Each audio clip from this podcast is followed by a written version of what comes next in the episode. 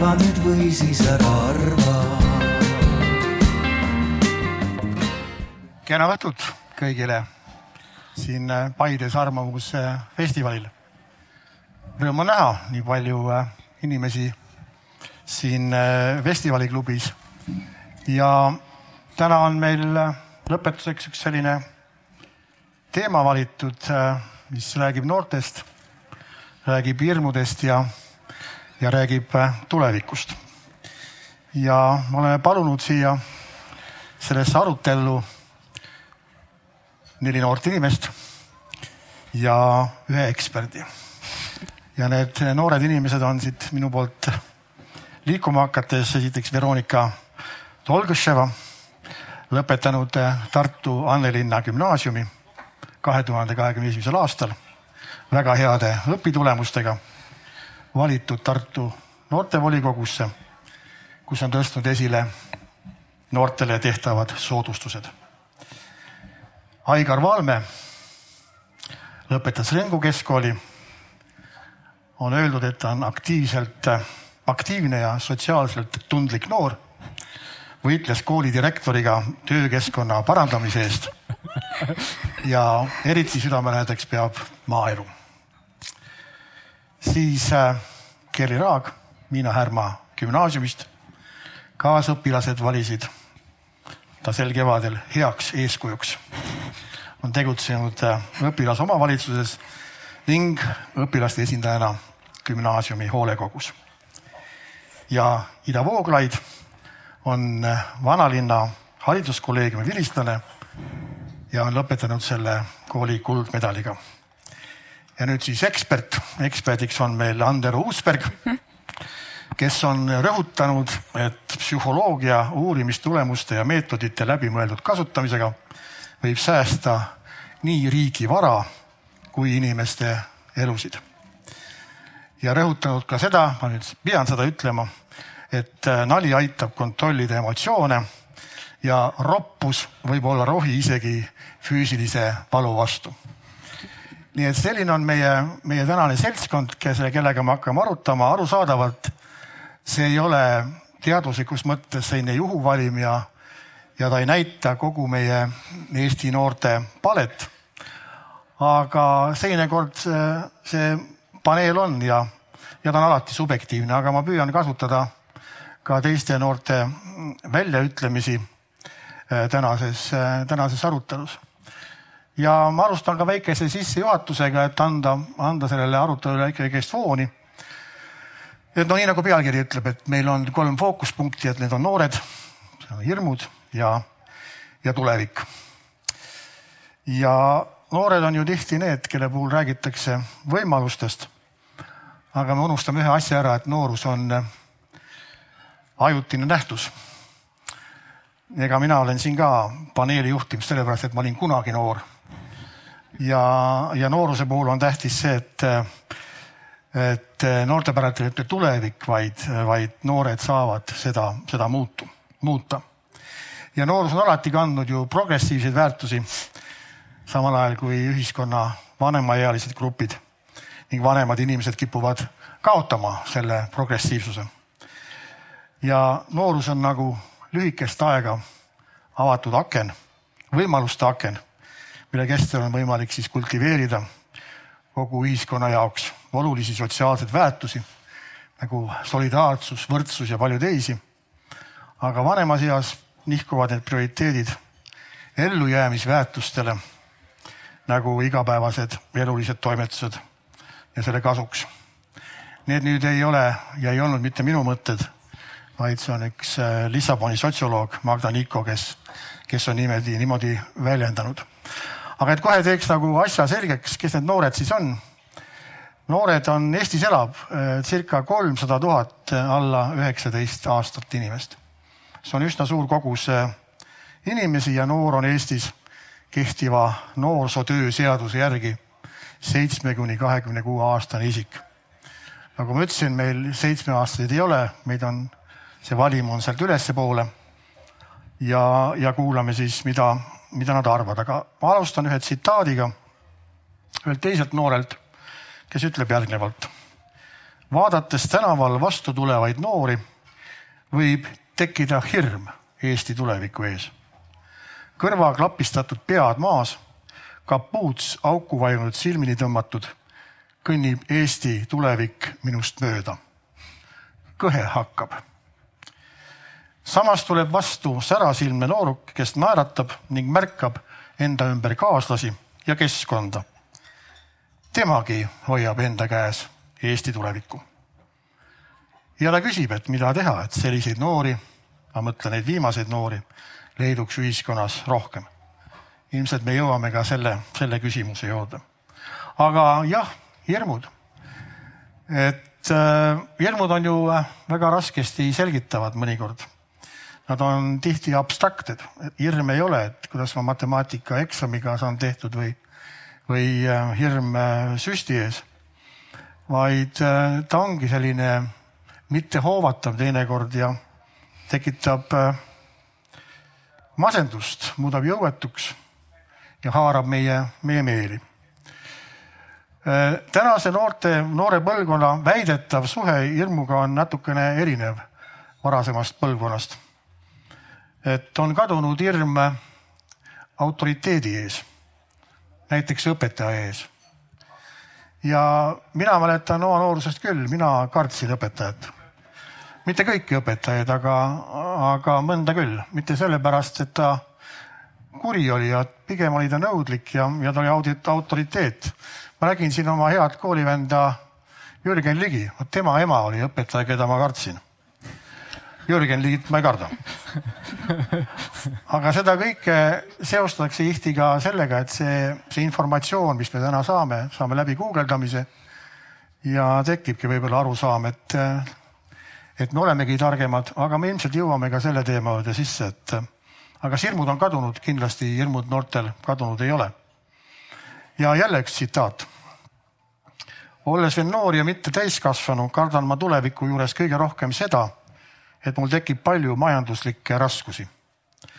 võiks öelda, et miks sul veel piisavalt pikk aeg täiskasvanu eani. kuid juba praegu, sel hetkel pean langetama raskeid otsuseid. mida ma gümnaasiumis edasi õppida tahan, sellest oleneb, millised võimalused ülikool mulle annab. olen mures, kas ma olen selleks ajaks piisavalt konkurentsivõimeline võrreldes teiste noortega. olles praegu aktiivne ja proovides võimalikult palju erinevaid asju, loodan luua endale palju võimalusi, et tulevikus ei peaks muretsema selle pärast, et ma midagi ei oska. tohutu hirm on mul selle ees, et milline on Eesti siis, kui mina olen täiskasvanu. seda ei tea keegi ette, puudub kontroll. valmis peab olema selleks, mis tuleb. ja eks hirmudest me räägime ja räägime ka seda, kuidas nendest lahti saada aga palju-palju on tehtud uurimusi, mida siis noored inimesed täna kardavad. alates sellest, et, äh, et kardetakse olla mitte edukas. kardetakse, et lähedane sureb ära. kardetakse globaalset soojenemist, muutusi, kardetakse maavärinat, sõda ja kardetakse teha valesid otsuseid. ja nüüd siis tulevik ja tulevik ongi see, mida me ikkagi seostame noortega. lootused, et noored täidavad meie unistused. aga täna üle kuuekümne protsendi noori arvab, et nende generatsioon elab tulevikus valvemini kui nende vanemad. ja üks äh, näide selle kohta, mida noor arvab ja ütleb. me oleme harjunud selle mõttega, et öeldakse noortele, et terve elu ootab sind ees. su tulevik on nii helge mõtle, milline potentsiaal sul on. ja selle peale noor küsib, et aga kas sa tead, et kõik saab olema hea? ja täiskasvanu vastab, et ma ei teagi. ja noor ütleb selle peale, ära siis ütle nii. ma ei ole ju laps. nii et kas noored tahavad täita me soove? ja selle sissejuhatuse lõpetuseks ma ütlen viimase tsitaadi. ma ei tea, millal ja kuhu me jõuame kaugusest nagu paistaks midagi, midagi helget ja kaunist, kättesaamatut. aga alustame oma väikese vestlusringiga ja ma püüan siis küsida kõigi käest, et äh, kus me siis, kus teie siis olete selles tuleviku teel, et äh, ja mis teie plaanid on ja, ja kas on kõik läinud nii, nagu olete tahtnud? Et Veronika, ole hea, alusta. mina olen siis äh, hetkel seal, et äh, ma astusin Tallinna Tehnikakõrgkooli ja lähen moetööstust õppima. aga tegelikult äh, ei ole see see, mida ma tahtsin. et äh, eelmine aasta, ma lõpetasin kooli juba eelmine aasta ja siis ma väga tahtsin lavakunstikooli ja ma astusin Moskvasse ja saingi sisse, aga äh, oli olid nii suured probleemid, et sinna elama jääda nagu tudengina, sest oli koroona ja äh, õpp, õpingud ei olnud nagu piisav põhjus äh, pikemaks äh, ajaks nagu elamiseks. ja siis oli seal väga palju tegemist ja ma jätsin selle asja lihtsalt, lihtsalt jätsin ja siis oli väga raske aasta minu jaoks, et vist kõige raskem aasta elus, jah ja siis see aasta ma proovisin äh, Tallinna Muusika- ja Teatriakadeemiasse astuda. kuigi ikkagi äh, lõpus äh, ma sain nagu lõppvooruni ja siis ei saanud ikka sisse. nii et jah, ma mõtlesin, et eelmise aasta ma ei õppinud ja mul oli nagu väga raske, ma ei taha töötada, mulle ei meeldi nüüd töötada ja ma sain aru, et ma tahan õppida veel ja ma mõtlesin, et ma lähen kasvõi kuhugi enam-vähem mulle nagu sobivasse äh, ülikooli ja erialasse. ja siis valisingi äh, moetööstust ja vaatame, kuidas läheb nüüd, ma ei tea, võib-olla meeldib mulle see nii ja olen tulevane väga populaarne disainer. Aga Aigar, kuidas siis on, kas, kuidas sinul on ja kas koolidirektoriga on nüüd siis sõda läbi või? Sõda on läbi jah, aga pärast gümnaasiumi lõpetamist siis ma otsustasin, koheselt hakkasin otsima, et noh, mis edasi õppida loomulikult. ja siis äh, jõudsime Tallinnani. et mõtlesin, et Tartust pisut kaugemale, et ise Lõuna-Eesti poiss, mõtlesin noh, proovin pealinnas. ja lõpetasin, noh lõpliku otsuse siis tegin, et äh, Tallinna Ülikoolis Äh, ajakirjanduse erialal õppima minna. sest äh, noh, jah, noorest saati on tegelikult olnud selline unistus juba, et noh, et no põhimõtteliselt olla, teha head midagi maailmas ja ajakirjandus tundub selline eriala, millega seda on võimalik kõige kiiremini ellu viia. aitäh ja, ja Kerli, et. nii, mina vist olen natukene nii-öelda vähemuse grupis, mina käin veel endiselt äh, keskkoolis, olen abiturient, aga nii palju, kui ma praegu oskan öelda, siis äh, ma väga tahan näha ja näen oma tulevikku teatrivallas. ma kangesti-kangesti tahan saada lavastajaks ja kuna äh, lavastaja-katsed järgmised Tallinnas on alles nelja aasta pärast, siis ma mõtlesin, et äh, ma teen see nii kaua aega parajaks Tartu Ülikoolis, sest Tartu on mul siiski hästi südamelähedane ilm ja kirjanduskultuur tundus seal sihuke mul, mulle sobiv asi. ehk siis jah, ma olen sihuke kõva, kõva humanitaar ma, ma lisaks, et äh, kui Kerli kunagi lavastajaks saab, siis ära unusta mind ka ära ma ei unusta no näete, see on selline juhuvalim, et ongi kaks teatriinimest on nüüd sattunud siia ka. aga Ida, mis plaanid sul on, sa oled ka teatrikooli või? Äh, teatrikooli mina kahjuks ei lähe, et olen selles osas vähemuses siin, et ei taha teatriga tegeleda. no elu on ka üks teater ju. jah, no seda küll. aga äh, kui kõik läheb nii, nagu praegu tundub, siis mina alustan nüüd äh, septembri alguses Tartu Ülikoolis õigusteaduse õpinguid. see oli, see on mul suhteliselt hiljutine otsus et alles see või eelmine aasta hakkasin sinnapoole vaatama päriselt, et enne ma tahtsin sellest ajast saati, kui ma baleriiniks tahtsin ma saada arstiks aga kuidagi viimase kahe aastaga toimus mul selline oma suureks saamine ja väärtuste ülevaatamine ja siis järsku avastasin, et polegi ammu mõelnud selle asja peale sügavamalt, et kas ikka tõesti jätkuvalt tahan. siis sain aru, et vist ongi mingi teine tee minu jaoks, nii et praegu suundun õigusesse ja loodan selle valdkonnaga ennast siduda tulevikus. ja olen vanim kaheksast õest vennast, nii et ma arvan, et see on siis minu identiteedi kõige defineerivam osa hetkel. Te kuulsite jah, kaheksas õest vennast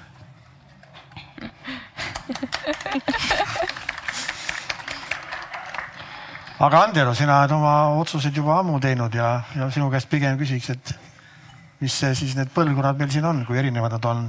Praegu, mis meil on siis Z-põlvkond, jah? tere kõigile, siis töötan, töötan Tartu Ülikoolis, ma arvan, ma pakun välja nagu hüüdlauseks, et tule tee aega parajaks.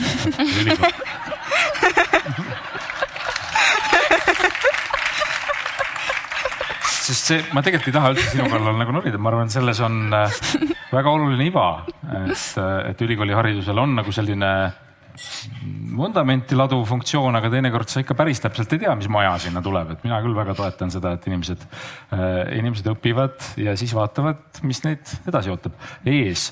Ähm, aga teie küsimusele vastates, et ähm, no minu rolliks eksperdina sageli on on nagu küsimustele vastu vaielda ja, ja, ja ma tahan siia lauale panna selle, selle mõtte, mis ei ole siit laualt tegelikult täiesti puudu, et kui me räägime põlvkondadest, et siis tuleb olla ettevaatlik. et, et kui me nüüd mõtleme, et mis määrab mingis vanuses inimese omadusi, et siis neid omadusi on lisaks põlvkonnale veel mõned, mida tasub arvestada tegelikult selles sissejuhatuses väga kenasti oli inimese vanuseline trajektoor. sõltumata sellest, mis põlvkonda ta kuulub, äh, määrab äh, tema osasid omadusi see, et, et noortena me tõesti oleme natukene sellised äh, otsingulisemad ja liberaalsemad ja noh, näiteks on ka üsna universaal see, et, et, et noored ei ole nagu traditsioonilises mõttes poliitiliselt nii aktiivsed kui vanemad inimesed ja see on kehtinud tänaste vanemate poliitiliselt aktiivsete inimeste kohta siis, kui nemad olid, olid noored. Äh, ja meil on siis põlvkond, meil on vanus. kolmandaks, ma arvan, et siin tuleb arvestada ka, ka seda, et et mõnikord mingisugused hoovused ühiskonnas noh, mõjutavad meid vanusest sõltumata.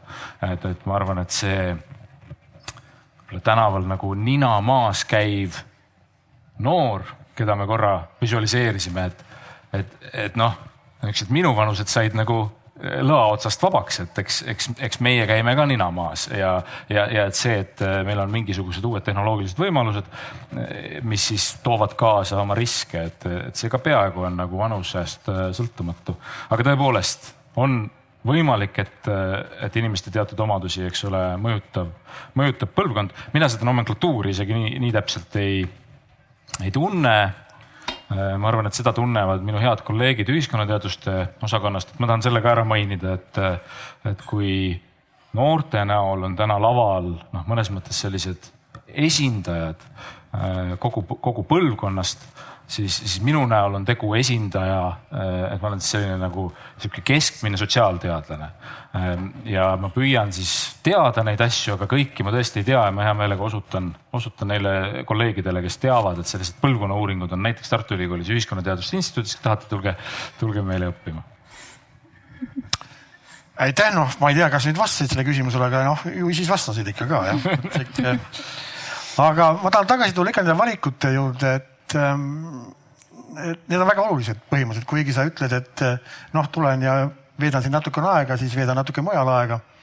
aga tegelikult äh, ma usun, et noored ikkagi mõtlevad, et kuhu nad tahavad minna. no mina olen hoopis, mis iganes selle põlvkonna nimi on. aga siis ju, äh, siis oli nagu ka valikuid väga palju ei olnud, sa pidid ühe valima, tänapäeval sa võid valida ju väga erinevate ülikoolide, erialade vahel ja siis lõpuks siis otsustada kas siis saad hinnet järgi või, või lähed tõesti seda õppima, mida sa, mida sa tahad. aga teine surve, mis ju on, on alati ka ju vanemad. et, et kas täna ka see on, mida siis vanemad ütlevad ja vanemad tahavad, sest vanemad mõnes mõttes ikkagi ju proovivad natuke oma unistusi läbi siis laste välja mängida ja, ja kindlasti ka hea laps ei taha ju pettumust valmistada oma, oma vanematele ja, ja teeb ka mõnikord otsuse võib-olla selle järgi, mida vanemad tahavad, et, et kuidas teil nagu oli, et kas oli ka selline mingi konflikt õhus ja, või ei olnud? mina ütleks küll, et meil oli vist siiamaani on konflikt õhus sest äh, mina olen lihtsalt sellise, mul on palju tuttavaid, kes läksid õppima sellepärast, et ütlesid nii vanemad, et nendel ei olnud nagu mingit kindlat teed ja siis nad lihtsalt valisid seda, mis ütlesid vanemad. aga mul oli see, et äh, muidugi no näitleja nagu ei ole vist see, mida ema tahab, et mina oleks. et pigem mingi arst või mingi õpetaja või ma ei tea, ükskõik mingi stabiilne, kindel äh, äh, eriala. ja, ja siis äh, ei olnud toetust äh,, toetust ei ole siiamaani, aga äh, ma olen väga õnnelik, sest mul on peale peret, mul on väga palju inimesi, kes toetavad mind ja seetõttu saan kuidagi hakkama. ma selles mõttes olen, olen sinuga täiesti päri, et, et noh, ikka vanemad tahavad, et sa läheksid tööle või noh, läheksid äh, nii-öelda oma elu peale tulevikus selle eesmärgiga, et äh, saada hästi hakkama ja saada hea haridus, saada hea töökoht äh,, piisavalt raha, et luua peret minna oma elu peale.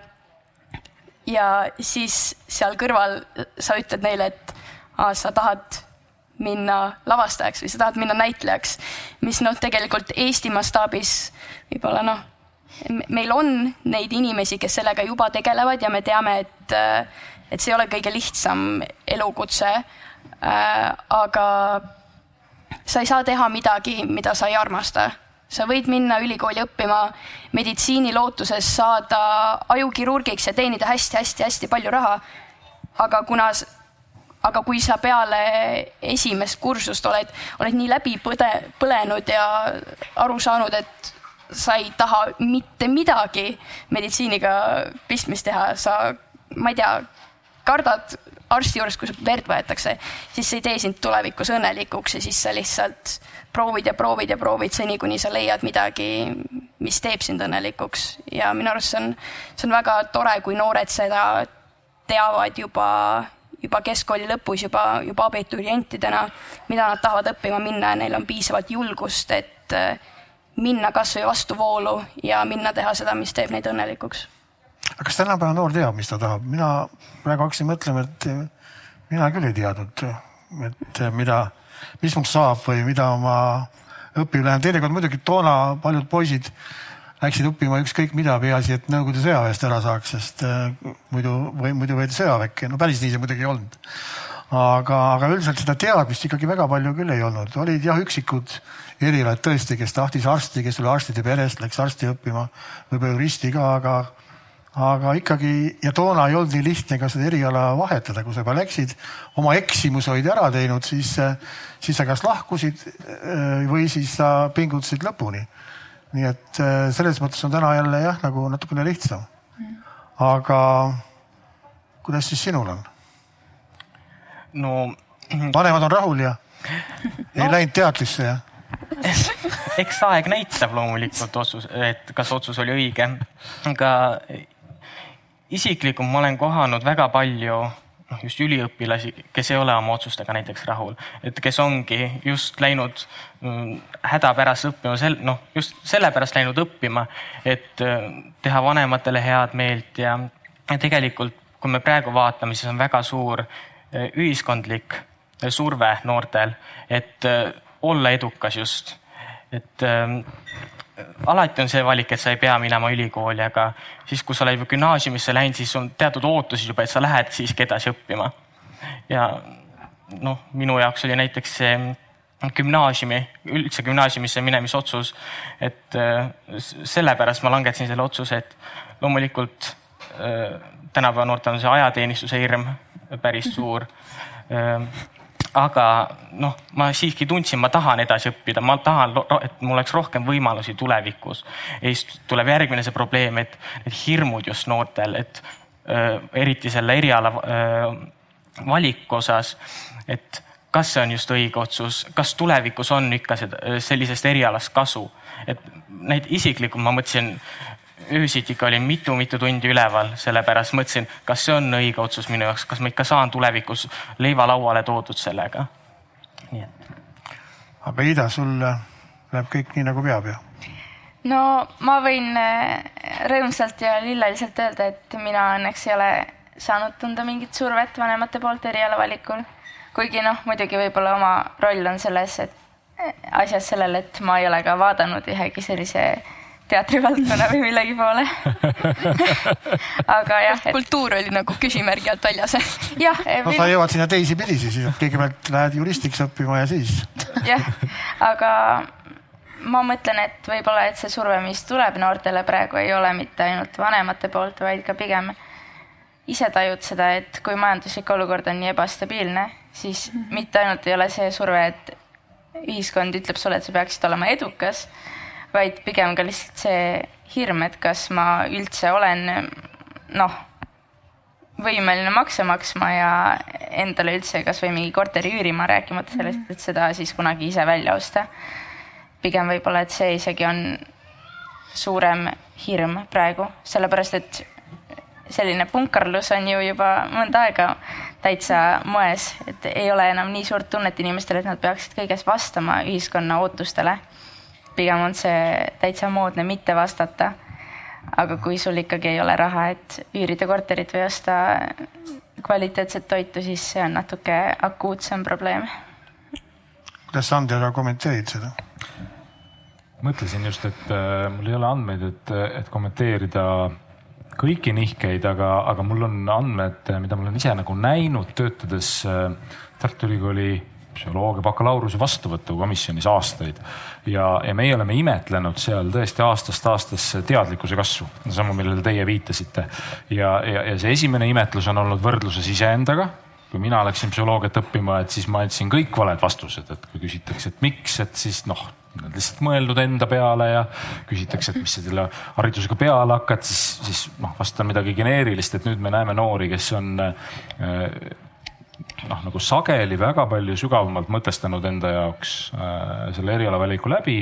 ei pea tingimata tähendama seda, et, et see karjäärirada on kuidagi noh, oma niisugustes äh, niisugustes väravates, instrumentaalsetes väravates hirmus selge, et või et, et ka seda noored teavad, aga ma ei pea silmas mõtestamise all ainult seda, et sa oskad öelda, et vaata, et ma tahan kliiniliseks psühholoogiks saada, et selleks ma pean nii ja nii mitu aastat seda tegema, nii ja nii mitu aastat seda. vaid lihtsalt äh, see, miks tahetakse mingit asja õppida, et, et tundub, et inimesed on pidanud selle peale rohkem mõtlema ja nüüd selle valguses, mida ma siin just kuulsin, noh, võib-olla see, et, et selle üks põhjuseid on äh, needsamad nagu suurenenud äh, surved, suurenenud selline nagu eksimise võimalus. Peatage mind, kui ma eksin, aga, aga et, et see, kui ma tean, et, et sellest äh, valikust sõltub midagi, et, et, et nii-öelda maha pööramise võimalusi ei ole väga palju.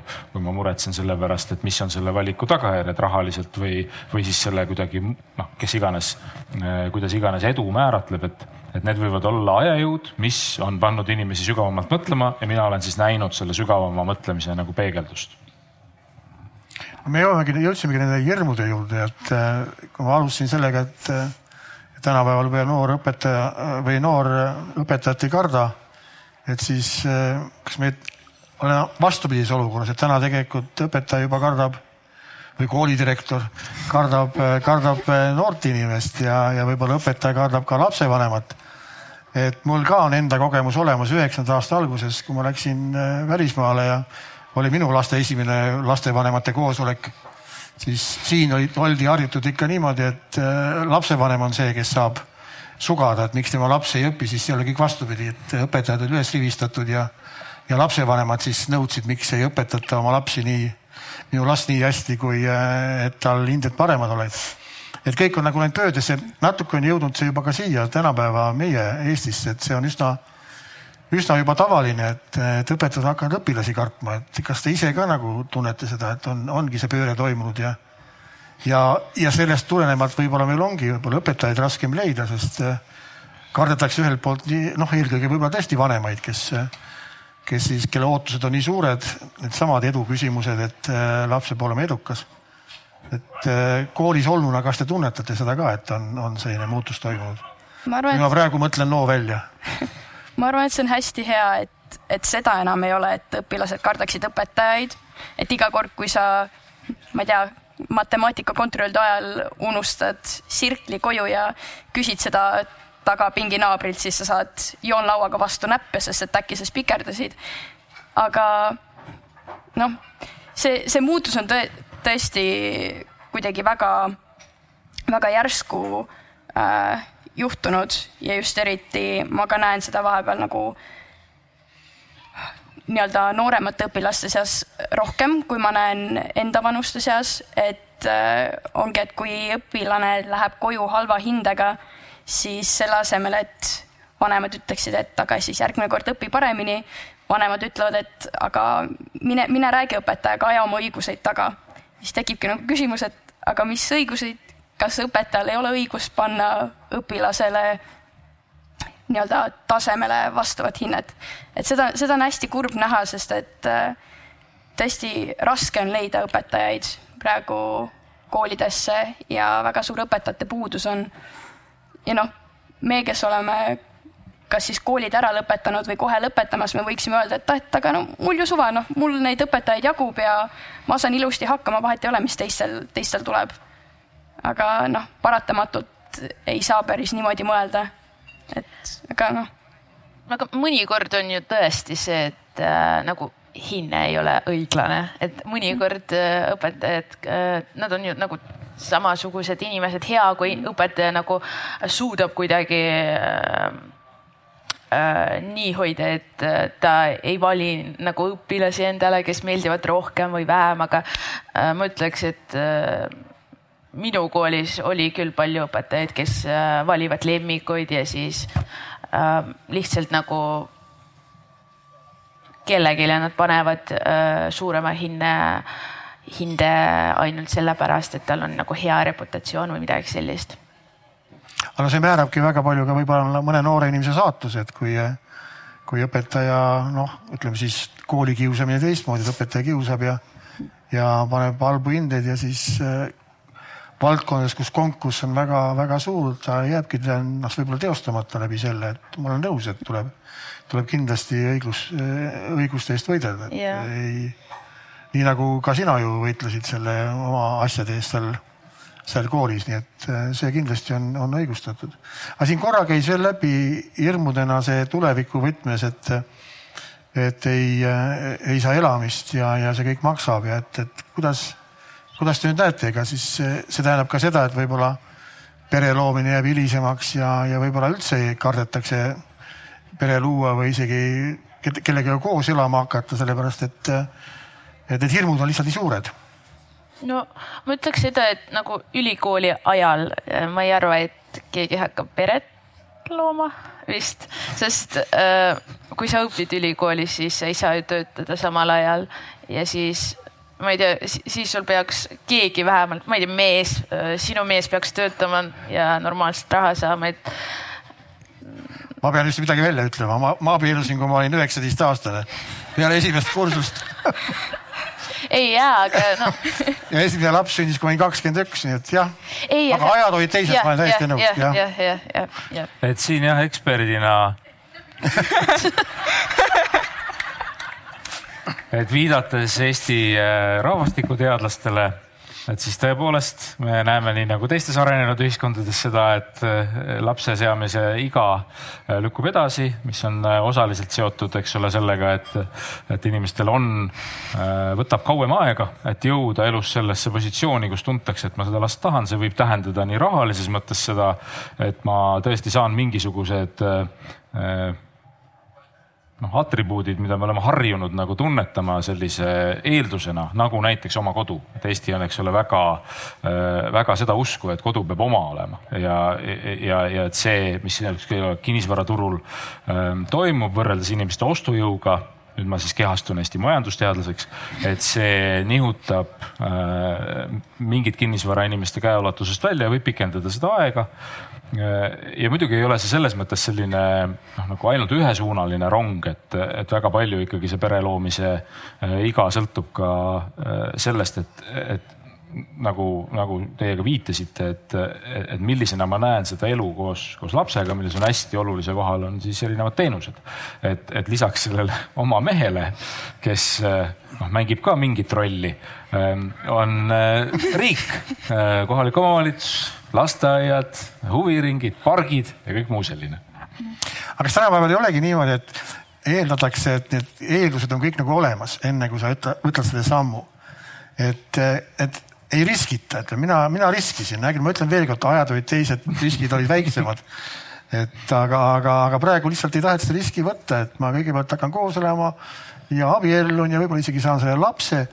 Ja et küll kuidagi ikka hakkama saab, eks ole, et, et kas on nii, et tahetakse, et need tingimused kõik ennem täidetud, et mul on juba oma kodu, mul on töö, mul on mingi karjääriredelil juba esimesed sammud astetud, et, et, et kas see on nii ja kas see peaks nii olema? võib-olla, et see risk, mida praegu võetakse, on natuke nähtamatum, sellepärast et sellega, kui sa otsustad, et ma saan hiljem lapsed, ma, ma keskendun praegu iseendale, oma karjäärile, oma õpingutele, siis sa mitte ei väldi riski, vaid sa lihtsalt lükkad selle riski realiseerumise edasi, sellepärast et kui sa saad hiljem lapsed, siis eh, tõenäoliselt sa oled niivõrd teadlik ja sa oled ka sellises eas, et sul ei ole aega saada neid väga mitu. Kui sa saad hiljem lapsed, siis tõenäoliselt sinu lapsed ise saavad ka hiljem lapsed, sest see on teie perekonnas siis seatud norm ja siis sa võid sattuda sellesse olukorda, kus sa oled vana ja sul on üks-kaks last, kellel on endal väiksed lapsed ja sul ei ole kedagi, kes sinu eest hoolt kannab. ja kui sa tõesti olid nii edukas enda varasemas karjäärile pühendumises, et sul on raha, siis pakkuda iseendale sellist mugavat vanaduspõlve, siis on muidugi hea, kuigi noh siinkohal saaks ka rääkida sellest, et kuivõrd mugav see on ikkagi veeta oma vanaduspõlv ka kõige luksuslikumas vanadekodus. aga see siiski on risk, sellepärast et kui sa ei võta seda ilmselget riski ja ei saa neid lapsi piisavalt varakult, siis sa riskid oma enda hilisema eluga ja sellega, et kes sinu eest siis hoolitseb ja kelle najale sa saad toetuda. no iseasi see, kui paljud noored tänapäeval mõtlevad äh, nagu laste saamise mõttes kohe sellele, et kas mul on keegi, kes, kes minu eest hoolitseb, kui ma olen seitsekümmend viis. pigem ma arvan, on see, et nad äh, noh, eks ühe haritud inimese tunnus on see, et ta teab, kui palju ta ei tea.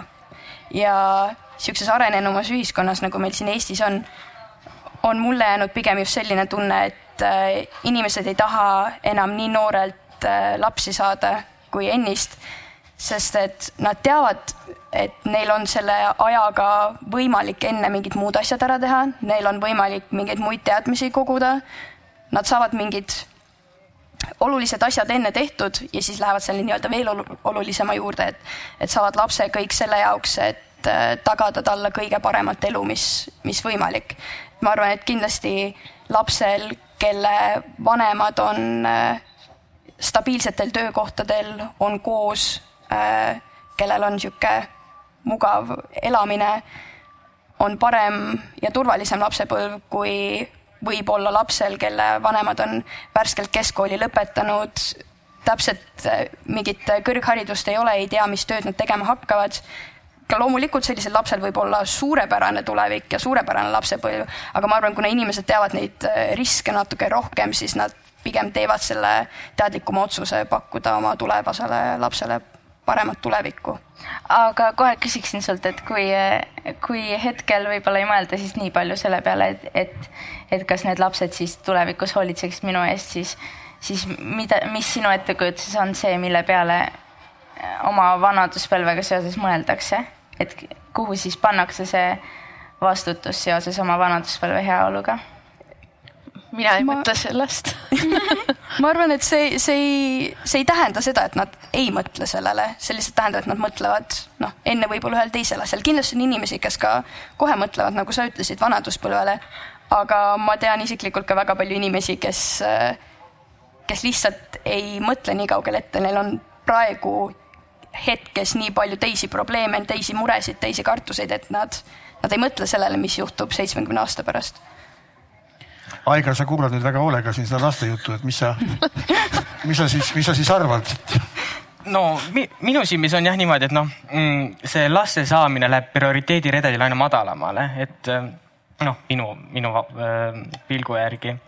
et tänapäeva noored on jällegi minu pilgu järgi on nad sellised, et nad vist ei mõista seda, et nad jäävad kunagi vanaks ja et see on tulekul, et aga nad ei mõtle väga selle peale. ja see laste saamine liigub jah aina madalamale minu arust, et noored just mõtlevad rohkem karjääri peale ja et noh, nad tahavad reisida ja tahavad elu nautida, aga siis, siis lõpuks jõuavadki nad sinna punkti, kus öö, ütleme, nad jõuavad viiekümnendatesse juba, neil ei ole lapsi. Nad võivad väga head elu elada, aga midagi, nad teavad, et midagi on nende elus puudu siiski. siis nad võtavad koera ma lisaks korra, et kui ma, mina äh, mõtlen, et mina peaksin sünnitama ja nii edasi, et äh, siis ma, mul on kogu aeg see mõte, et enam, kui sa äh, äh, sünnitad, siis sa ei saa enam kunagi seda elu ilma lapseta elada. et sul on nagu kogu aeg juba laps olemas, et see elu, see, see noorus ja see nagu kõik see jääb juba, kõik ei ole seda, et nüüd on laps ja no ei saa nautida seda elu nagu ilma lapseta. on ka nii või? mina naudin, mul on juba, mul on juba lapselapsed, et ma naudin küll seda elu ilma lapseta selles mõttes, et e- mida varem no, mida, kui... mida varem nagu alustada, seda, seda su seda nooremas eas see aeg tuleb, kus sa saad elu nautida, eks ole. aga, aga ma saan, teisest küljest jälle, kui sa natuke vanemaks saad, ütleme vana, vanaisana, mitte vanaisa ükssõna vanaisana sa muutud ju väga nagu ettevaatlikuks, ma näen juba ise vanaisana siis ükssõna. et kui ma, kui ma vaatan oma lapselapsi, ma juba väsin ainult ära nende jälgimisest. sest ma lihtsalt muretsen nii palju, mis kõik võib juhtuda. mis muidugi ei juhtu, aga, aga, aga kui ma olin noor, siis noh, lapsed elasid oma elu, kukkusid ja murdsid luid ja ei juhtunud nagu midagi selles mõttes, et äh, mis jätaks sügavama jälje.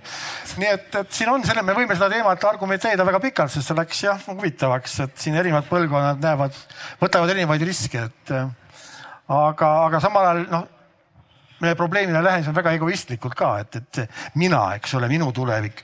aga kui me vaatame, Eesti riik ju reaalselt ju, ju töökäsi vajab, meil on, meil on vaja inimesi, kes isegi kui äh, tulevad kõik robotid, aga ikkagi inimesi on lõpuks ju vaja, isegi suuri Hiina leiab, et äh, rahvast on vähe, kuigi neid on üks koma kolm miljardit. nii et, äh, et kui jah, kui riigi peale vaadata, siis probleem on ju tegelikult meil olemas, mitte et ma tahaksin öelda, et nüüd kõik peaks siis hakkama pihta.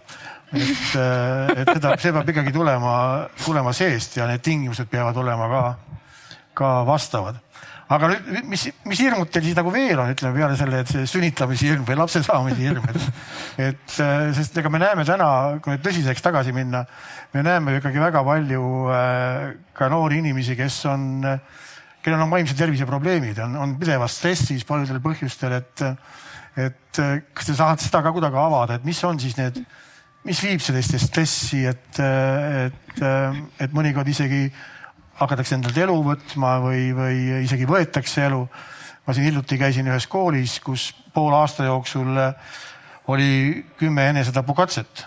eks siin paljuski ongi see, et on see edu, edukultus, mis ajab taga. ja, ja võib-olla on veel mingid asjad, et või mingid põhjused, et oskate nüüd aidata mind siit edasi, et mis, mis see võiks olla, et ja, ja siis jõuame ka sinna, et kuidas seda probleemi lahendada, see ei ole ju meie probleem, see on ju terve täna no vähemalt lääne ühiskonna probleem kindlasti. ma arvan, üle, üleüldiselt on Eestis hetkel probleem sellega, et hästi paljud noored põlevad hästi kiirelt läbi, hästi noorelt. Nad on masenduses, neil on äh, erinevad ärevushäired, neil on depressioon ja kahjuks ma olen liiga, liiga palju näinud kõrvalt seda, kuidas äh, meie ütleme niimoodi, et, et, et see abi, mida nad võiksid saada ja mida nad peaksid saama, ei ole täna sellel tasemel, mis, mis see võiks olla.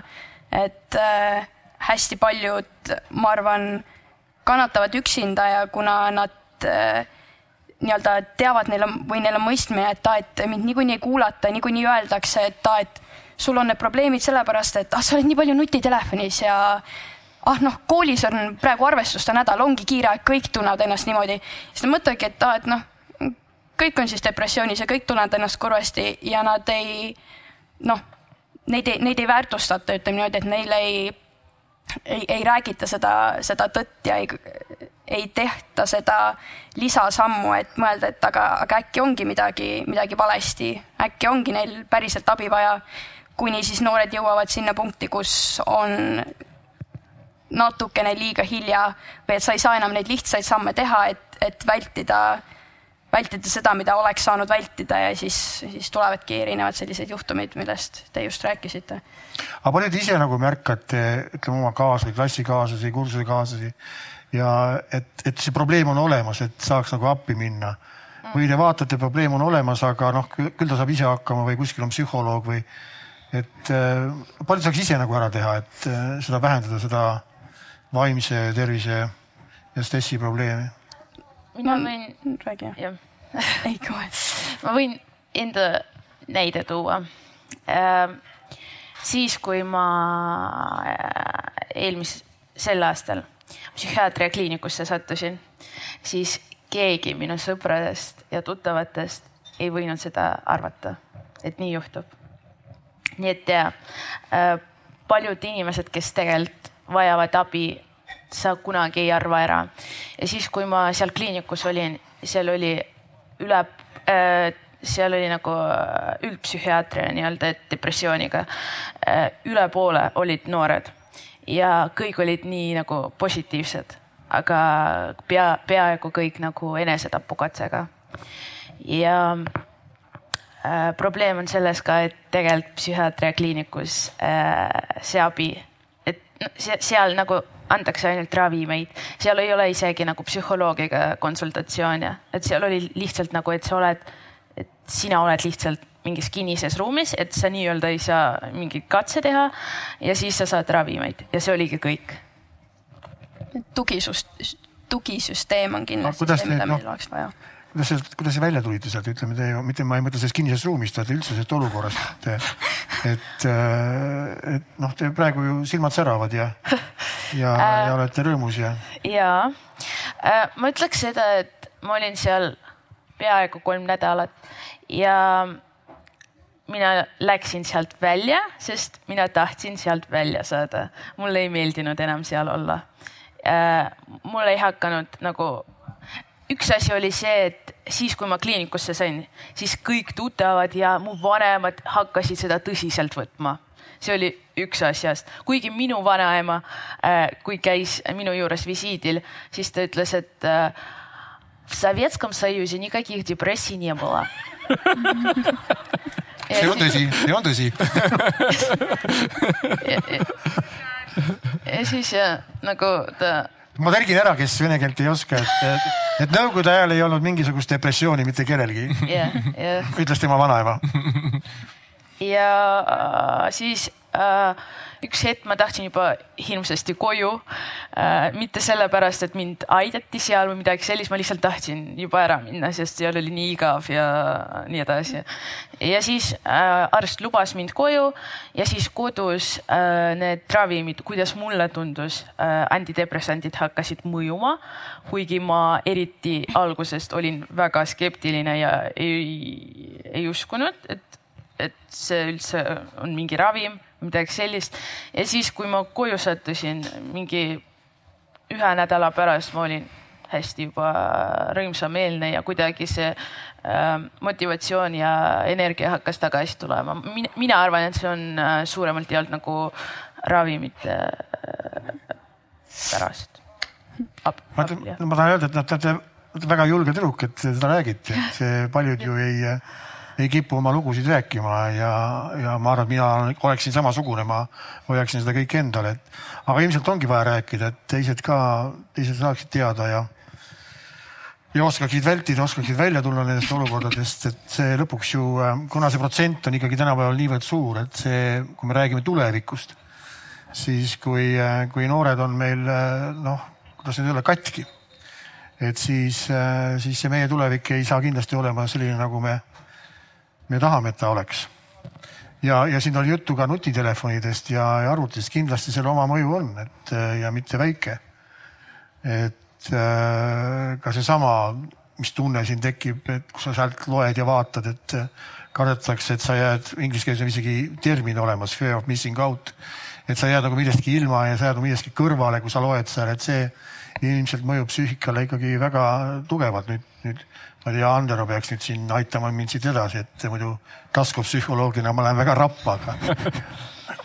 ja et, et nüüd me oleme jõudnud sellesse valdkonda, kus ma päriselt äh, tegutsen kui, kuigi ka nüüd ma tahaks öelda, et, et noh, et ennekõike rääkige Eesti kliiniliste psühholoogidega, et, et on ka minust targemaid inimesi, aga tõesti ähm, näiteks äsja valminud rahvastiku vaimse tervise uuringu andmetel me näeme, et, et nende kõige levinumate psüühikaprobleemide, kuhu siis depressioon ja erinevad ärevushäired kuuluvad, et nende levimus on, on kõrge.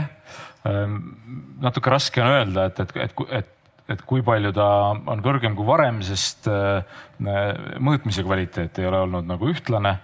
Äh, ja veel raskem on öelda, et milles asi.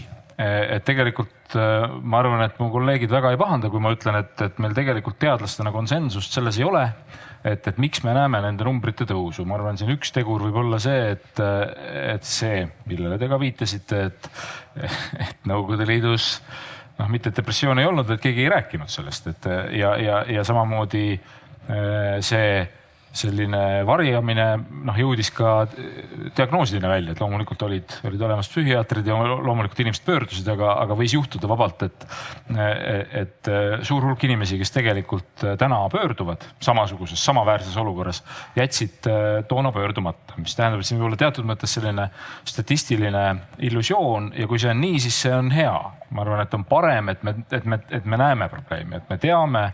esiteks sellepärast, et me saame adekvaatse ülevaate selle probleemi ulatusest, aga teiseks ka selle, selle pärast, et nii noh, vaikselt mureneb stigma et, et seesama, mina ka kirjutan kindlasti sellele alla, et see on, see on imetlusväärne, et, et me saame sellest laval vabalt rääkida, sest ei ole mingit põhjust, miks me ei peaks.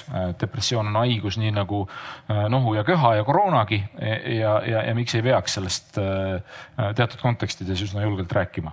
aga samas ei julge mina jah ka täna välistada seda, et, et ikkagi midagi selles sellises sotsiaalses struktuuris on, mis äh, esitab suurema väljakutse, on see siis valikute paljusus, me teame seda, et, et kui äh, tuleb teha pidevalt nagu paljude valikute vahelt otsuseid, et siis, siis see selline otsustamise ärevus nagu lisandub. või on see siis seesama äh, sotsiaalmeedia poolt pakutav nagu võltsstandard, et, et minu enesehinnang on, on, on pidevalt löögi all. nagu mulle meeldib öelda, sellepärast et et ma Facebookis näen, et kõik, kõik mu sõbrad on Tallinna lennujaamas kogu aeg. jälle lähevad reisile ja et, et miks mu sõbrad on Tallinna lennujaamas, see on sellepärast, et need sõbrad, kes seal täna ei ole, ei tee ühtegi postitust, et postitusi teevad ainult need sõbrad, kes on Tallinna lennujaamas, ehk siis, et, et äh, sotsiaalmeedia vahendusel me saame kallutatud pildi teistest inimestest ja me võrdleme ennast sellegipoolest selle pildiga. Äh, või see on siis tõesti see, et, äh, et selline tunnetus nagu karjääriredelist ulatub nagu kõrgemale, et, et pilvi ei tule ette, et ma arvan, et, et mina, kui, kui, kui ma kirjeldan nagu oma noorust, millele ma olen korra viidanud, et mina näiteks haridusvalikut tehes olin palju vähem teadlik, et, et, et üks selle põhjuseid oli see, et, et mina oma karjääriredelit ei vaadanud, seal olid pilved tulid vahele. et ma vaatasin kahte järgmist astet ja siis oli kõik, aga, aga et, et võib juhtuda, et, et aeg on selles osas muutunud, et need teekonnad on selgemalt välja valgustatud, et sa tead, et kui ma tahan saada lavastajaks, siis ma pean tegema nii. Ja, ja, ja kui nüüd mul on need teekonnad välja valgustatud, siis järsku need igapäevased eesmärgid, mille poole ma püüdlen, et nende kaal kasvab, eks ole, et kui ma tahan minna arsti õppima, mul on vaja bioloogia eksamit, kui mul on vaja seda eksamit, siis mul on vaja see töö hästi teha ja kõik saab kaalu juurde. ja üldiselt äh, ma tahaks ka nagu kindlasti selle ära klaarida, et, äh, et selline nagu olulised eesmärgid ja pingutamine nende nimel ei ole iseenesest nagu ebatervislik, et siin on, on äh, väga oluline niisugune nüansi vahe, et kui me räägime pingest, et siis mõnikord nagu me mõtleme sellises nagu masina metafooris, et, et enamike masinatega on küll selline, et noh, mida rohkem sa neid kasutad, seda kiiremini nad kuluvad ja seda kiiremini nad katki lähevad ja, ja kui sa, kui sa kasutad neid veel intensiivsemalt, et keegi ajab oma auto ära, et siis ta kulutab selle auto veel kiiremini läbi. aga et organism päris nii ei tööta, et organismi jaoks on ka väga oluline see, et ta pingutaks ennast, et oleks väljakutse, mille suunas pingutada ja see kehtib nii füüsilise kui vaimse pingutuse kohta teatud määral äh, samamoodi.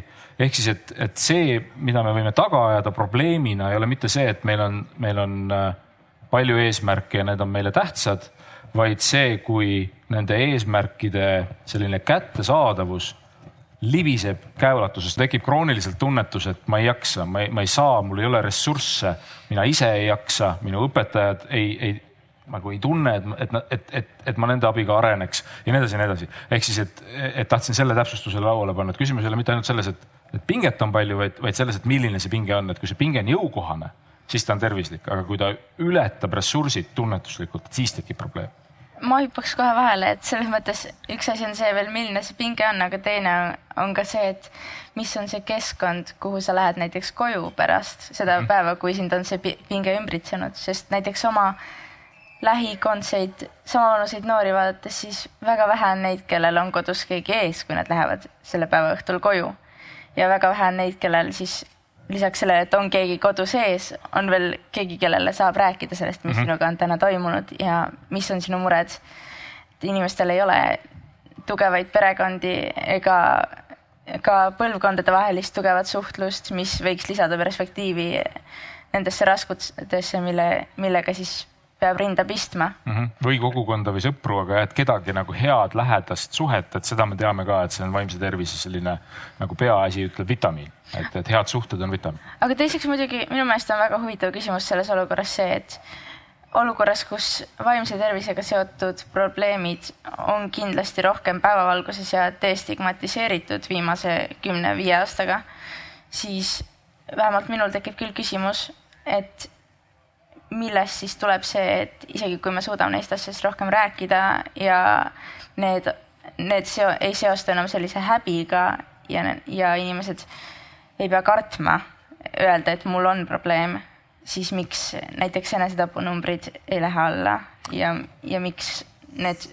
haiguste numbrid pigem tõusevad? ja see, siin on selles mõttes väga keeruline küsimus, näiteks seda suitsiidide suurenemist, et, et see pole päris selge, kas see on nagu miraaž või see on päriselt. üldine depressiivsuse suurenemine on olnud viimastel aastatel küll, no üks selge vastus on see kriis, mille, mille keskel me oleme. ja, ja tegelikult on see nagu küsimus on väga hea, sest see ikkagi toob meid siia tagasi, et me, me lõpuni ei tea ja, ja võib-olla siin ma ikkagi kasutan endale antud lavaaega, et, et tuua siia tagasi ka see, mis tegelikult teie poolt ka oli lauale pandud, et üks on, on ju see probleemi tekitav struktuur ja keskkond ja teine on siis abi kättesaadavus. ja, ja, ja noh, me selgelt teame, et siin, siin on Eestis veel, veel pikk tee minna. Õnneks jälle samamoodi selle teema fookusesse tõstmine on suurendanud näiteks minu tööandja rahastust, et, et Psühholoogia Instituudile antakse rohkem raha. ja, ja siis teine giid, mille ma kaasa võtan, on see, et, et psühholoogid on sageli konkureerivad natukene psühhiaatritega, enamasti me teeme koostööd.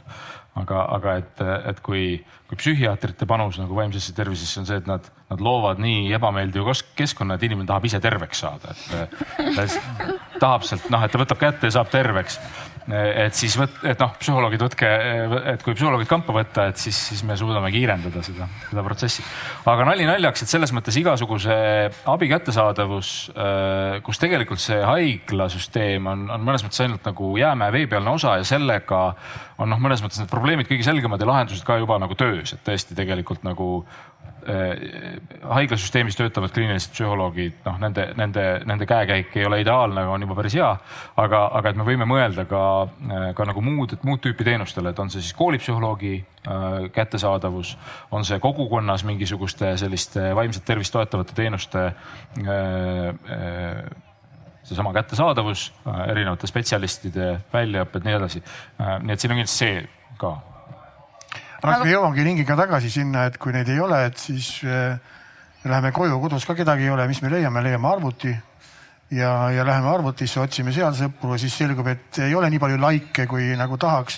ja siis see haigus ju või ütleme, see seisund veel süveneb, et no ma ei tea, kas oli vist äh, California ülikooli teadlased, tegidki kindlaks, et see on nucleus accumbens on siin selline äh, tasukeskus, et mis aktiveerub siis, kui sa näed palju likee oma, oma postitusele, see on sama keskus, mis, kui sa näed armsama pilti, pilti, siis see hakkab ka tööle, nii et, et seal on see seos olemas, kui neid like'e ei ole, siis tegelikult veel süveneb, nii et et kui abi ei saa, siis läbi selle sotsiaalmeedia ju veel, veel ringleb veel väga kaua. aga ma tahangi küsida, et kui, kui, kui sõltuvad teie olete nendest nutitelefonidest ja, ja arvutitest, et kui päris ausalt ütlete, et mitu, mitu tundi siis seal äh, toimetate? Või kas te tunnetate, mina näiteks tunnetan, mina olen sõltuv äh, erinevatest ametitest tulenevalt, et ma tahan teada, mis kogu maailmas toimub. järsku toimub ilma minuta järsku äh, minu selja taga toimub midagi ja et äh, siis ikka aeg-ajalt vaatad uudiseid ja nii-öelda, aga kuidas, kuidas teil on? ma arvan, ma isiklikult äh, tunnetan, et praegu on hästi.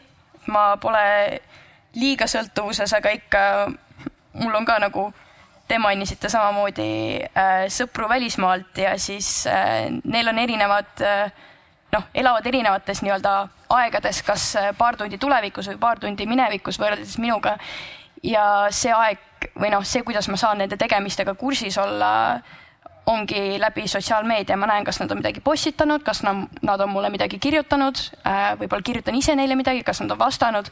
et äh, see on loonud ka sellise harjumuse, kus äh, siis kui justkui midagi muud äh, teha ei ole, siis ma võtan kätte telefoni, vaatan, kas keegi on mulle kuhugi kirjutanud, kas keegi tahab mind, kas keegi tahab minuga rääkida, ei taha, okei okay,, eks ma lähen oma raamatu juurde tagasi siis. aga siis jälle peatükk saab läbi, tuleb jälle see telefon, et noh, kas keegi on kirjutanud. noh, see on paratamatus, ma kardan mul on ka see, et äh, ma korra nagu proovisin ilma telefonita olla või siis kustutasin kõik need äpid ja siis ma ei tea, mingi kümne minuti pärast äh, mulle helistati ja siis küsiti, et miks sa chat'is ei vasta ja siis ma sain aru, et ma jään kuidagi nagu elust maha, et siin elu käib kuskil sees ja mina siin istun ja siis no, kuidagi, et jääd maha millestki, et ei tea midagi. Ja paljud asjad, et millega sa päriselus inimestega räägid, on ka need, mida sa lugesid telefonist või vaatasid kuskilt sealt, et, et kui sa ei, ei näinud seda, siis ei ole trendis, ei tea midagi ja ei, ei lähe eluga kaasa mu sõbrannal tegelikult ühel, ühel mu parimatest sõbrannadest on hästi, oli hästi hea lahendus selle jaoks, et ta ka taipas, et no liiga palju on selles telefonis ja lihtsalt niimoodi enam edasi ei saa. ja siis äh, ta ostis endale Nokia, maksis umbes sada eurot, sihuke paras klots lahe klapiga, et kui inimestega oled rääkimise lõpetanud, saad dramaatiliselt kinni panna. ja ongi, et temaga koolis kaasas on see telefon kui me teda tahame kätte saada, siis me kirjutame talle sõnumi ja siis äh, keemiaarvestuse ajal see hakkab piiksuma tunnis, sest et äh, Kerli tahab teada, et kuule, kas sul on juba läbi, kuidas läks. Äh, ja siis, kui ta õhtul koju jõuab, siis ta nagu vaatab arvuti kaudu ära, et mis siis Instagramis on toimunud, mis Facebookis, kes, kes mind tahab ja, ja miks. ja siis ütlebki, et, et inimesed, kelle nii-öelda tähelepanust või kelle arvamustest ma hoolin, teavad, et mul on Nokia kui nad tahavad mind kätte saada, nad saavad mulle kas SMS-i saata või saavad mulle helistada, kui neil mind väga vaja on. kui neil mind väga vaja ei ole, siis nad seda ei tee ja järelikult see ei ole minu jaoks ka sama oluline. ja minu arust see on, selle üle ma olen väga uhke, et ta on suutnud sellist asja teha, et see on minu arust väga lahe ma korra võtan ühest, ühest siis, et liikuda natukene edasi siit, et äh, elust mahajäämisest tuli juttu, aga, aga kuidas nüüd elus kaasa rääkida? et et, äh, et meie tulevikku kujundada ja, ja küsimus on väga lihtne, et, et, et seda tulevikku kujundada peab olema ka poliitiliselt aktiivne. et äh, me teame, et see protsent täna ei ole väga suur, kus noored äh, poliitiliselt aktiivselt tegutsevad, kuigi see poliitiline aktiivse tähendus on teine, et, et kaasa räägitakse küll, aga isegi ei tunnetata võib-olla, et, et see on poliitiline tegevus aga Veronika, sa oled ju puhas poliitik, ma saan aru ja tahad ka minna poliitikasse, et mis nagu oli see, see selline tõuk, tõuge, mis nagu sind viis poliitikasse? Äh, no okei okay,, ma räägin siis sellest, et äh, alguses äh, kaks aastat tagasi või midagi sellist, ma astusin ka erakonda. ja siis ähm, see oli, ma ei olnud üldse poliitikahuviline kunagi olnud, aga lihtsalt üks tore naine, kes oli minu äh, andis mulle laulmistunde või midagi sellist, vokaalitunde. siis ta ütles, et meil on noori vaja ja täitke, siin on mingi avaldus ja ma mõtlesin, et täidan, siis täitsin ja siis olingi juba erakonnas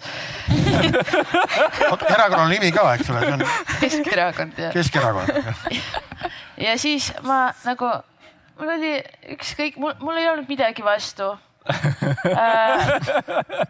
ja siis ma hakkasingi seal olema ja olen siiamaani ja, aga mm, aga te ei ole siiamaani, te olete lausa aktiivne, te olete noortekogus ja. ja ma olen ja. noortevolikogus küll ja äh, see oli nii, noortevolikoguga oli nii, et äh, see aasta, mis mul praegu oli, ma ei teinud väga palju midagi, et ma, ma töötasin küll alguses, aga siis, äh, kui juba väga raskeks läks, äh, et ma ei saanud töötada, äh, siis ma mõtlesin, et peaks midagi tegema ja siis ma kandideerisin ja sain ja siis mul oli, mul kogu aeg on vaja nagu seda kuuluvust, et, et ma kuulun kuhugi, et mul on mingi rühm ja siis ma saan seal käia ja siis suhelda ja erinevad rühmad ja siis ma hoian kuidagi ennast niiviisi äh, elusana, no mitte elusana, no kuidagi nagu jah.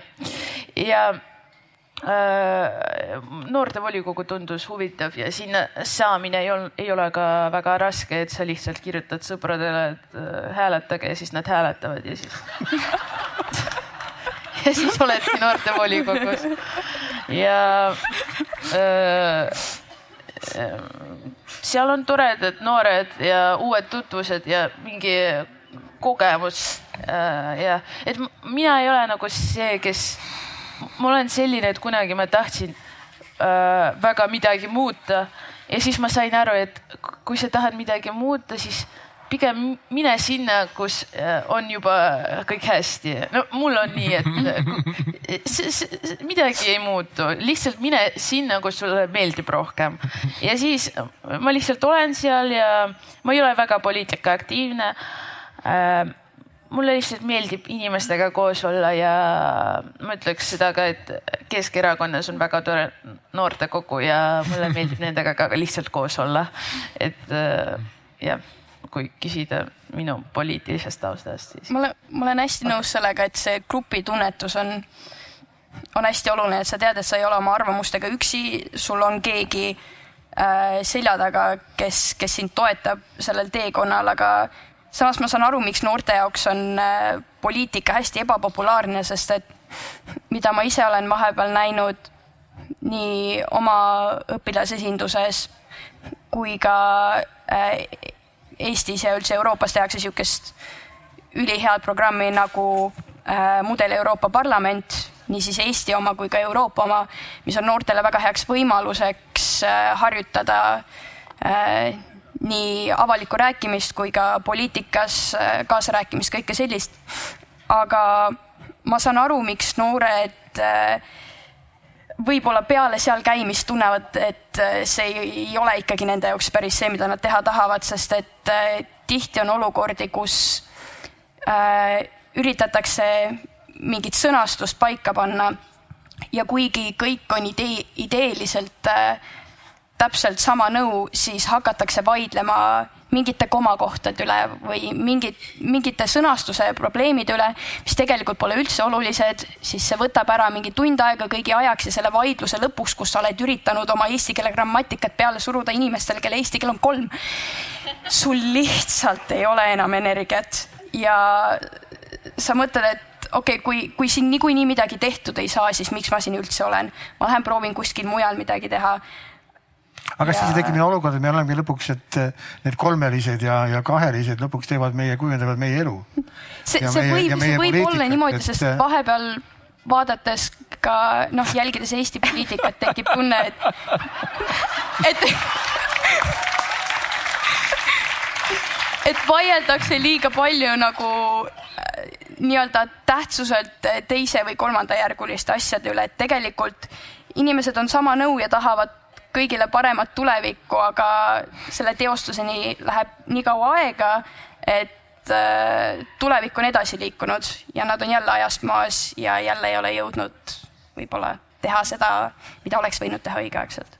mulle meeldib endale lugeda neid ähm, Postimehe artiklite kommentaare, no just tavaliselt neid poliitikaga seotud, siis ähm, alatasa ma näen neid kommentaare, et poliitika ei ole noorte koht, et noored peaksid poliitikast eemal hoidma ja siis see tekitabki sellise küsimuse, aga et, et ähm, kui me praegu hoiame poliitikast eemale, kes siis tulevikus sellega tegeleb, sellepärast noh ja praegu, kui sa oled noor ja sa otsustad erakonda astuda, siis näiteks era, eriti maapiirkondades see õudselt lõhestab tegelikult ikka noh, peresid ja äh, sõpr-, noh, sõpruskondi niimoodi, et kui sa oled ühest erakonnast ja sulle üldse ei meeldi teise erakonna liikmed näiteks, no siis see sõprus siit tegelikult ikka püsima ei jää ja see õudselt lõhestab see er, poliitika tegelikult ikka õudselt lõhestab tänapäeva noori noh, minu silmis vähemalt. kas see tähendab seda, et poliitika tassitakse koju ja see poliitiline maailmavaade on, on köögilaua taga ja, ja, ja seda päriselu asja ei saagi nagu rääkida, vaid ongi poliitika ümberringi ja põhimõtteliselt ongi niimoodi, et poliitikat sa saad kodus supi peale, söögi peale ja söögi alla. Mm.. aga see võib, aga asi võib olla ka selles, et äh, noored ei tegele poliitikaga, sest neil on täpselt see hirm, et, et okei okay,, ma lähen poliitikasse ja ma hakkan sellega tegelema ja siis on mul nagu vari kõikjal kaasas ja inimesed ei näe enam mind, nad näevad ainult minu poliitilisi vaateid. Ja võib-olla ma, ma praegu pakun huupi, aga võib-olla see on see põhjus, miks äh, noorte jaoks poliitika on ebapopulaarne, sest nad kardavad, et see, et nad ei saa sellega nii-öelda kõrvalt tegeleda, et see, see võtab neid üle ja matab nad enda alla võib-olla. aga jällegi, no kuidas siis see noorte hääl üldse jõuab poliitikasse, et äh, on ka, on uurimus olnud kuskil, et, äh, et noorte asju ja noorte soove poliitikud üldse ei arvesta ja paljuski võib-olla sellepärast, et noor ei ole piisavalt palju poliitikas. aga Andero, sa tahtsid midagi öelda? ja ma tahtsin siin äh, kehastuda korraks kolleegideks äh, jälle Ühiskonnateaduste Instituudist, kes on äh, kes on uurinud seda noorte poliitilist aktiivsust ja panna lihtsalt äh, uuesti lauale see idee, et, äh, et äh, tasub olla ettevaatlik selle inaktiivsuse käsitlemisel, et, et tõepoolest parteipoliitikas löövad kaasa Ragne Kluut-Skremmi ja, ja Veronika Kalmuse ja teiste autorite uuringu alusel umbes viis protsenti noori. aga et ülejäänu jaguneb umbes kolmeks, et tõesti üks kolmandik on passiivne, aga et seal jäävad siis sellised äh, ühiskonnaelus kaasalöömise vormid, mida ei tahaks alahinnata, et, et üks on siis selline digiaktivism, mis äh, noh, ilmselt ei ole, ei ole alati nagu väga suure sellise investeeringuga, et see on lihtsalt see, et ma elan, on ju sotsiaalmeedias mingitele teemadele kaasa, ma ei pruugi nagu tabada, et need teemad on noh, poliitilised ja nad sageli ei pruugigi olla parteipoliitilise vankri ees, kuigi võivad. ja, ja teine on siis äh, selline noh, kolmandas sektoris ühiskondlik aktiivsus, et, et, et äh, olgu see siis ähm, noorteorganisatsioonid või, või muu selline ja et siit väga huvitav oli kuulda, et mulle tundus see nagu psühholoogiliselt küll hästi-hästi realistlik analüüs, et miks ma noore inimesena noh, ühelt poolt, et, et kui ma poliitikasse lähen, et seal on, on sageli sellised noh, mittepoliitilised ajajõud, et see on, on lihtsalt üks hea kogukond. ma tahan nendega koos nende asja ajada või kui ma ei lähe, et mis, et seal on väga häid põhjuseid, miks mitte minna, aga et, et ilmselt need aktivismi liigid Äh, millega noored siis statistiliselt siiski tegelevad, laovad nagu olulise vundamendi sellele, et kui me elus jõuame siis sellesse faasi, et mul on okei okay, sinna poliitilisse äh, maailma siseneda, et siis, siis on äh, nagu eeldused selleks loodud või, või mingi niisugune hoolimine ja ja ka, ja ka mingisugunegi kogemus ikkagi on kaasas, et, et, et see pilt ei ole nii pessimistlik nende kolleegide Äh, arvates, kellele ma siin tuginen? no ilmselt noh, varem või hiljem, mõnel varem, mõnel hiljem, eks äh, mina astusin poliitikasse kuuekümne kolme aastaselt. noh, läks lihtsalt natuke rohkem aega, et, et aga, aga ta ilmselt nii ongi, aga kõrvale päris jääda ei tohi, eks noh, ei pea tõesti võib-olla parteipoliitikat tegema, aga kaasa peab kindlasti rääkima, sest noh, muidu see tulevik ei ole teie nägu, see on kellegi, kellegi teise nägu. aga mida te siis noh, kui tulevikust rääkida, mida te siis ootate, ütleme tulevikult või mis on nagu teie jaoks kõige tähtsam, mis peaks tänane, tänane siis see vanem poliitik ära tegema? see on nii, nii suur küsimus no aga noored ju mõtlevadki suurelt, eks ole ju? tõsi, tõsi. plaan peab pikk olema ja ma arvan, kui me mõtleme Eesti riigi tulevikule ja kuhu noored seal jäävad, siis ma arvan, kõige tähtsam on mõelda jätkusuutlikkusele. et äh, näiteks noh, haridussüsteemis mõtled selle peale, et äh, õpetajate poolt vaata, kas meil on piisavalt õpetajaid, et noh, ikka anda head haridust noortele, aga no tulevikus noh, jah. ja siis äh, me hakkame mõtlema ülikoolide peale, et kas äh, kas see on loomulikult jätkusuutlik, et ülikoolid on tasuta noortele? kas see on jätkusuutlik ja me peame mõtlema just jätkusuutlikkusele, loomulikult me peame mõtlema keskkonna peale, et kuidas me reageerime praegusele kliimakriisile, kuidas me reageerime praegusele energiakriisile, kuidas me üldse reageerime, et ähm, me peame olema jätku, äh, Eesti riik peab olema jätk, jätkusuutlik nii poliitiliselt ja nii igas mõttes tegelikult aga mis te praegu arvate, kui, kus me seal paikneme, kui, kui jätkusuutlik me oleme? andke nüüd hinnang, siis ma tean, kuskil on poliitikud esimeses ja tagumises reas ja et mis te, mis te arvate, et kas, samm on siis vaja teha, et no it... kuhu keskenduda, ma saan aru, õpetajate probleem on, et neid ei ole piisavalt ja. no parem saab alati olla, et ja. see on alati niimoodi, aga kui ma peaks ühest kümneni ütlema, siis ma ütleks hea kuus minu silmis. sihuke tugev kuus. jah et siis kolm ikkagi. ikkagi kolm, eks ole. ja sest ma arvan, et selle jätkusuutlikkusega kindlasti peaksid olema eesmärgid, kuhu me tahame jõuda, mis asju me tahame parandada. aga minu arust ei tohiks olla mingit nii-öelda kindlat lõppeesmärki, et me jõuame sinna ja siis me jääme sinna. sest et siis me jääme sinna järgmiseks neljakümneks aastaks ja selle neljakümne aasta pärast on uus probleem, et kuidas me saaksime olla jätkusuutlikud, et ma arvan, see tähendabki seda pidevat arenemist, oma vigade tunnistamist, mitte nende peitmist ja lihtsalt soovi, soovi olla parem pidevalt, kui et olen homme parem, kui olin eile mentaliteeti. seoses selle jätkusuutlikkusega peaks esiteks vaatama, et öelda lahti sellest lõputu majanduskasvu ideaalist, sellepärast et kui me selles jätkuvalt usume, siis me ei jõua jätkusuutlikkuseni. no vist nii ta ongi, et eh, ega lõputult ei ole võimalik ju kasvada, eks ole, see on selge, et tuleb mingi teine mudel vähemalt paralleelselt kõrvale vaadata, mille järgi me hindame oma, oma, oma, oma riigi arengut, ühiskonna arengut, minu pärast terve maakera arengut. aga mis te nagu siis tahaksite, meil hakkab aeg, aeg otsa saama üllataval kombel et äh, aga mis siis on see, mida nüüd teie isikuna tahaksite ära taha, et siis, et see meie riigi tulevik, tulevik oleks äh, võimalikult äh, parem? ma, ma võin öelda seda, et mulle tundub, et see põlvkond, kes praegu siin istub, ma mõtlen jah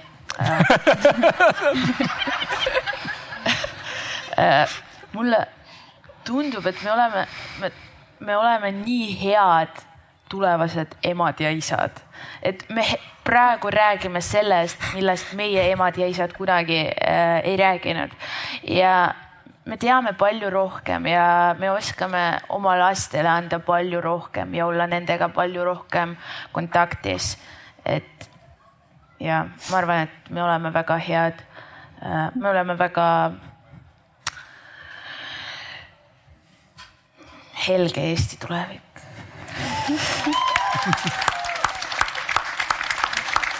no aega tuppa ei ole nüüd. no kui ma mõtlen siis selle peale, et me peaksime lõpetama, on selline ilus ütlus, et vaata, see noored on hukas, et ja noorus on hukas, et me ei tohiks vaadata kõike enam läbi vanema põlvkonna silmade, et peame panema ikka asjadele noh meie põlvkonna pilgu, noh, läbi meie silmade asju vaatama ja peame olema valmis ikka muutuma ja et ja muutusega loomulikult kaasa minema ja et ma arvan jah, Eesti tulevik on helge meil. Väga hea, Kelly? Äh,. ma arvan, mulle meeldiks kõige rohkem see, kui noortele pakutaks aina enam võimalusi olla nii-öelda globaalsed kodanikud äh,, olla kursis asjadega, mis toimub äh, koduriigist väljaspool ja osaleda erinevates programmides, kohtuda erinevate inimestega, sest et see aitab jällegi noortel endal ka teise nurga alt panna perspektiivi seda, mille peale nad võib-olla ise ei oleks mõelnud. kas see on siis see, et taipavad, mida, mida annaks Eestis või kasvõi oma, oma väiksemas kodukohas ära teha, kasvõi üksikisikuliselt või siis äh, nad saavad näha seda, et kui hästi tegelikult Eestis on ja tahavad äh, tulevikus ka Eestisse jääda. ma arvan, et me ei peaks, me ei peaks välisriike hoidma äh, Eesti noorte ees kartuses, et nad lähevad sinna ära, pigem tutvustama neile erinevaid võimalusi lootuses, et nad harivad seal ennast ja tulevad targana tagasi siia suuri tegusid tegema. jah, nii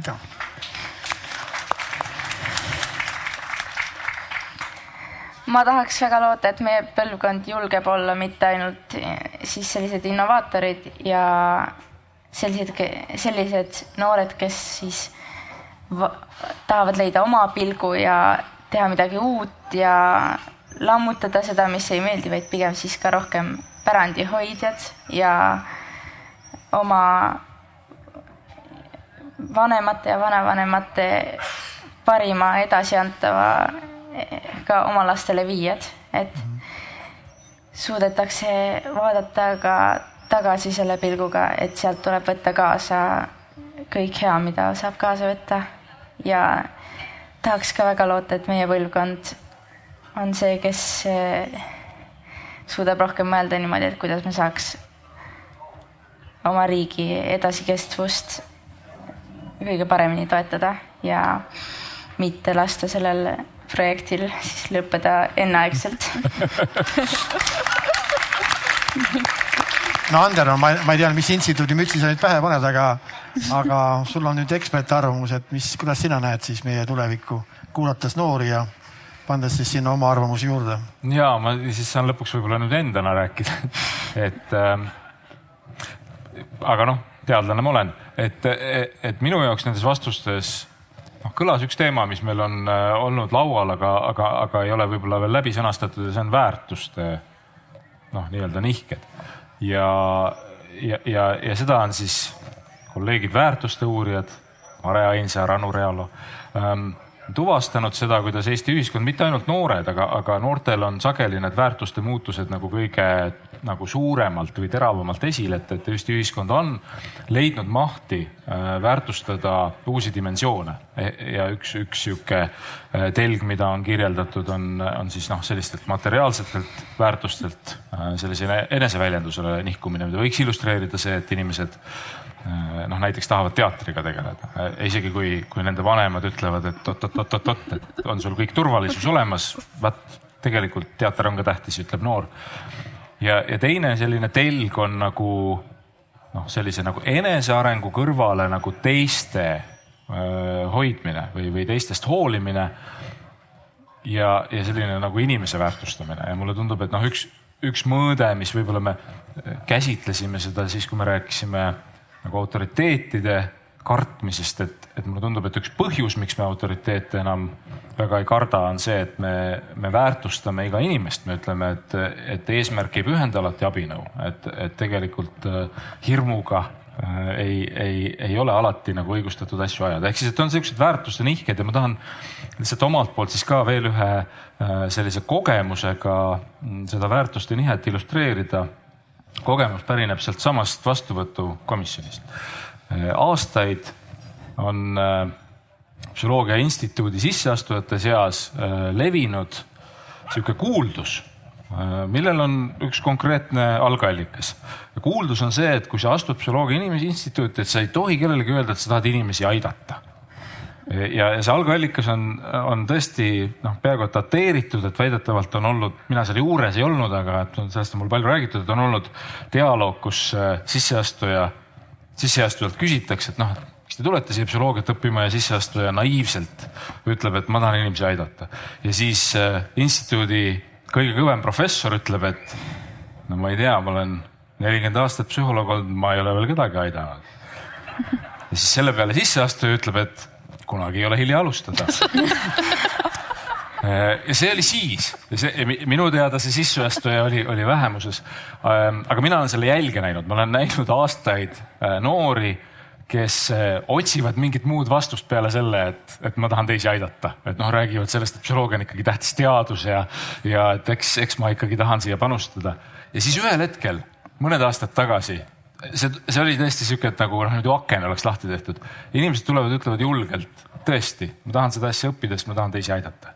ja, ja minu jaoks oli see kuidagi selline märgiline, ähm, et see ei ole enam häbiasi, et see, et, et see, et, et ma tõesti näen oma elu kutsena seda, et ma teisi aitan äh, see on kogu aeg olnud meis, meis olemas, aga, aga et ma julgen selle välja öelda, isegi olukorras, kus ma olen võib-olla kuulnud, et professorid ei taha seda kuulda aga suur aitäh, ma tänan, tänan kõiki paneliste ja mina saan lõpusõnana öelda seda, et, et kui sellised noored on meil, kes esiteks julgevad oma arvamust välja öelda, need isegi nad on erinevad ja siis ma arvan, tulevik on, on meil tõesti helge, et ja ma loodan, et teie saite ka siit midagi kaasa ja, ja võib-olla järgmine kord noored siis võtame, kes on eelkooliealised. kui te nendega räägite, siis muide, see on väga põnev, siis te näete tõelist elu ja kuidas see kõik peaks olema, et mõnevõrra on isegi kahju, et koolisüsteem nagu tapab midagi neis ära, nendes noortes inimestes, kellel on nii palju häid ideid ja mõtteid, kuidas äh, meie peaksime arenema ja mis peaks kõik tulema, nii et äh, ma ei tea, arvamusfestivali tegijad, siis mõelge, võib-olla ma olen valmis tulema jälle modelleerima seda, seda neid lapsi siin, nii et äh, suur aitäh teile kõigile ja nautige tänast õhtut ja, ja homseid arutelusid ja, ja kohtume uuesti. aitäh said